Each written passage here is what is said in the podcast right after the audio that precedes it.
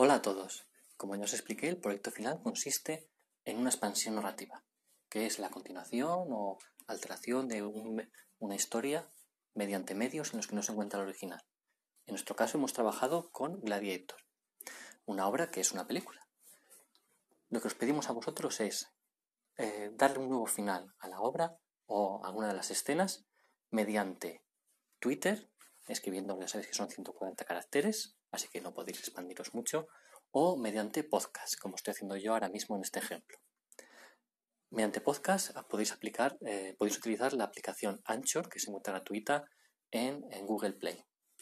Ella misma, con la aplicación de grabado, la podéis publicar. Ya habéis visto que en el Google Drive de la unidad eh, tenemos un ejemplo en la pestaña de expansión narrativa de cómo sería el tweet y cómo lo podéis hacer. Aquí en este audio podéis escuchar un ejemplo de cómo sería el podcast con un final alternativo. Empiezo. Máximo se dirigió hacia Cómodo, dispuesto a realizar el golpe final, pero la espada no la llegó a alcanzar. En su lugar se pudo ir en todo el Coliseo.